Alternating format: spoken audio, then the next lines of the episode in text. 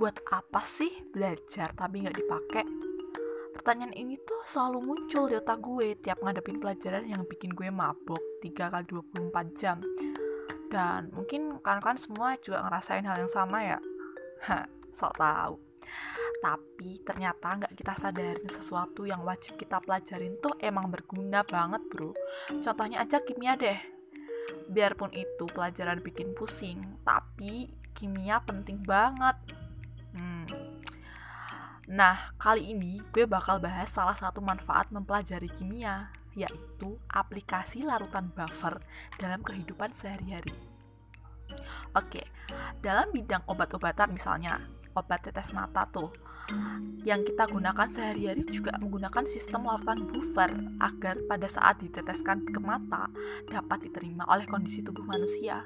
Suasana pH pada obat tetes mata tersebut disesuaikan dengan kondisi pH manusia agar tidak menimbulkan bahaya.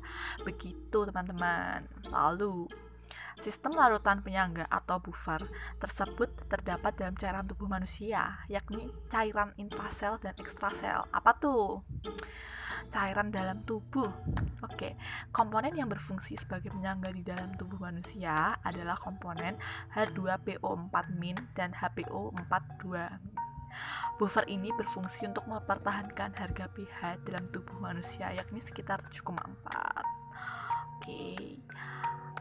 Uh, kalau menjaga pH makanan olahan dalam kaleng agar tidak mudah rusak atau teroksidasi, itu biasanya kalau kita beli makanan di supermarket, biasanya kita nggak tahu kan apa sih yang bikin makanan itu awet? Nah, yang bikin makanan itu awet itu juga larutan buffer loh, yaitu asam benzoat dengan natrium benzoat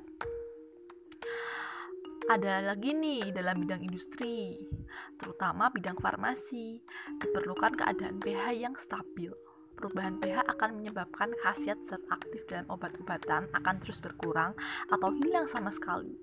Jadi, untuk obat suntik dan obat yang dapat menimbulkan iritasi seperti tetes mata, pH obat-obatan tersebut harus disesuaikan dulu nih dengan pH cairan tubuh pH obat suntik harus disesuaikan dengan pH darah agar tidak terjadi lasidosis atau alkalosis pada darah.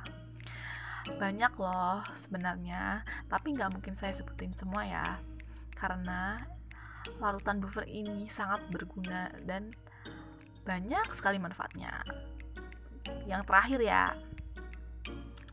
penggunaan utama asam sitrat ini sebagai pemberi cita rasa dan pengawet makanan dan minuman. Nah, tadi udah asam benzoat, sekarang ada asam sitrat.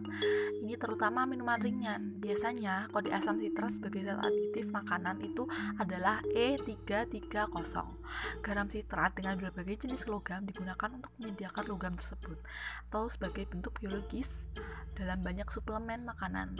Sifat sitrat sebagai larutan penyangga digunakan sebagai pengendali pH dalam larutan pembersih dalam rumah tangga dan obat-obatan. Begitu teman-teman. Nah, udah tahu kan sekarang? Ada yang mau nambahin nggak nih?